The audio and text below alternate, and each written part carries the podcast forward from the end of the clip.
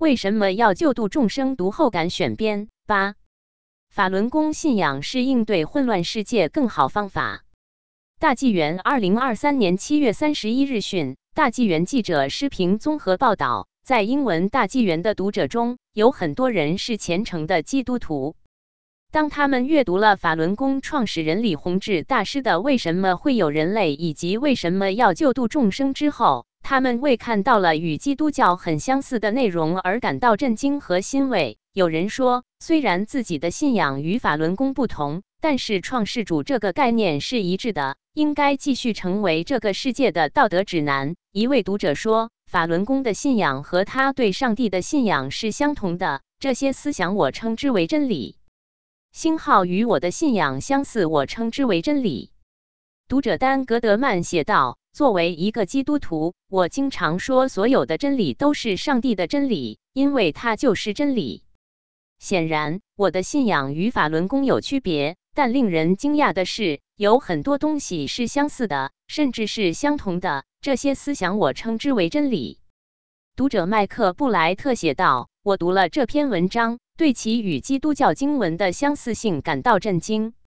读者史蒂夫·福克斯威尔写道：“这篇文章的描述似乎是世界上大多数宗教的基础，特别是基督教的信条。非常好的文章。”一位未署名的读者写道：“这篇文章的核心论点，如其标题所述，与我的信仰一致。李大师的创世主拯救所有生命的信念和教导是值得赞扬的。”我可以理解为什么中共认为这对他们有危险，因为中共不尊重生命。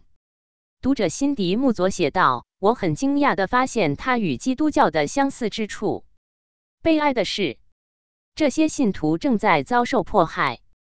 我发现他很耐人寻味，有许多与我信仰的相似之处。”读者布莱恩·巴特勒写道：“这种哲学对追随他的人有强大的积极影响。”我明白为什么中国共产党盯上他，就像他盯上基督教信仰原则一样。这些原则给我们的宪法和权利法案的形成带来了巨大的力量，他们有力地强调了自由维权的原则。读者哈洛德·皮克林写道：“法轮功非常同情和接近基督教，并为揭露中共对普通民众的罪行付出了巨大努力。”这个独裁政权是一个威胁，是所有信仰的敌人。星号创世主的概念是世界上的道德指南。读者安罗格斯写道：“这篇文章表达了世界上那些伟大宗教普遍和共同的教义。一个善良而强大的、充满爱的创世主的概念，他关心和爱护他所创造的灵魂，而这些灵魂也遵循他的指导，用爱作为回报。”有一条共同的线索，那就是道德和伦理的生活方式。这个世界上有一场持续的善与恶的斗争。提到末世，是相信最终真理和正义将战胜世界上的邪恶。读者维内斯达沃写道：“真理、怜悯和宽容是自由文化长期生存的必要条件。但这些信条是暴君的噩梦，他们试图粉碎这些信条。他们自己要当神。”虽然我的信仰体系与法轮功不同，但我认为创世主的这种观点有必要存在，并继续成为世界上可行的道德指南。署名荣的读者写道：“作为一个长期的基督徒，我相信上帝无处不在，无时不在。法轮功的信仰体系将上帝的最高存在与人类的本质结合了起来。”伟大的文章。署名格里高利克莱门特的读者写道。法轮功就是对以觉醒文化形式出现的全球异交的有力回应。在看不见的领域，似乎有战争在肆虐，其证据可能就是在那么多地方、那么多社会层面上，到处都能看到邪恶的疯狂。不管现在是不是最后的日子，人类都需要与创世主建立密切关系。请继续发表这样的文章。读者泰瑞科西克写道。法轮功的这篇文章向我这个基督徒分享了一个新概念。我很感谢能了解这个功法，并支持和尊重法轮功的信仰以及其所支持的生活行动和生活方式。要想对这一信仰体系有坚实的想法，我需要学习和了解更多。星号法轮功信仰体系是应对混乱世界的更好方法。读者塔米布里克写道：“作为一个基督徒，我向耶稣寻求和平、安慰和爱。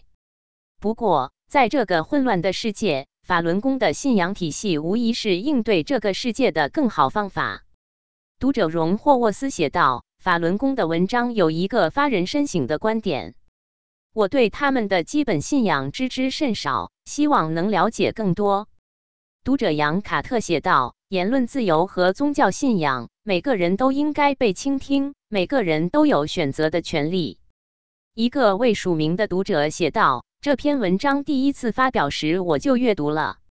作为耶稣基督的追随者，我可以理解他们受到的宗教迫害。”虽然我受到的迫害肯定没有达到他们那种程度，我认为每个人都有上帝赋予的权利，可以按照自己的选择进行崇拜。我确实从这篇文章中学到了很多东西。读者切瑞尔蒂尔写道：“文章信息量很大，很简洁，帮助你了解这个信仰体系和其他信仰体系之间关系的基本情况。”我羡慕那些能够持有这种信念的人。修炼法轮功的人越多，行善和为自己带来平静的人就越多。一位未署名读者写道：“我们生活的时代，人们正离神性越来越远。年轻人正在接受这样的观点：信仰是没有意义的，追随信仰的人是危险的。当然，事实恰恰相反。”一位称自己是一个老年的白人乡下人，是在美国南部深处长大的长老会成员的读者表示：“我认为这篇文章说的是努力为了人类去提高精神意识，而不是宗教意识。因此，我很欣赏这篇文章。”他担心有其他宗教的的宗教领袖会误解此文，因为李大师的文章超出了大多数读者的想象。责任编辑：孙云。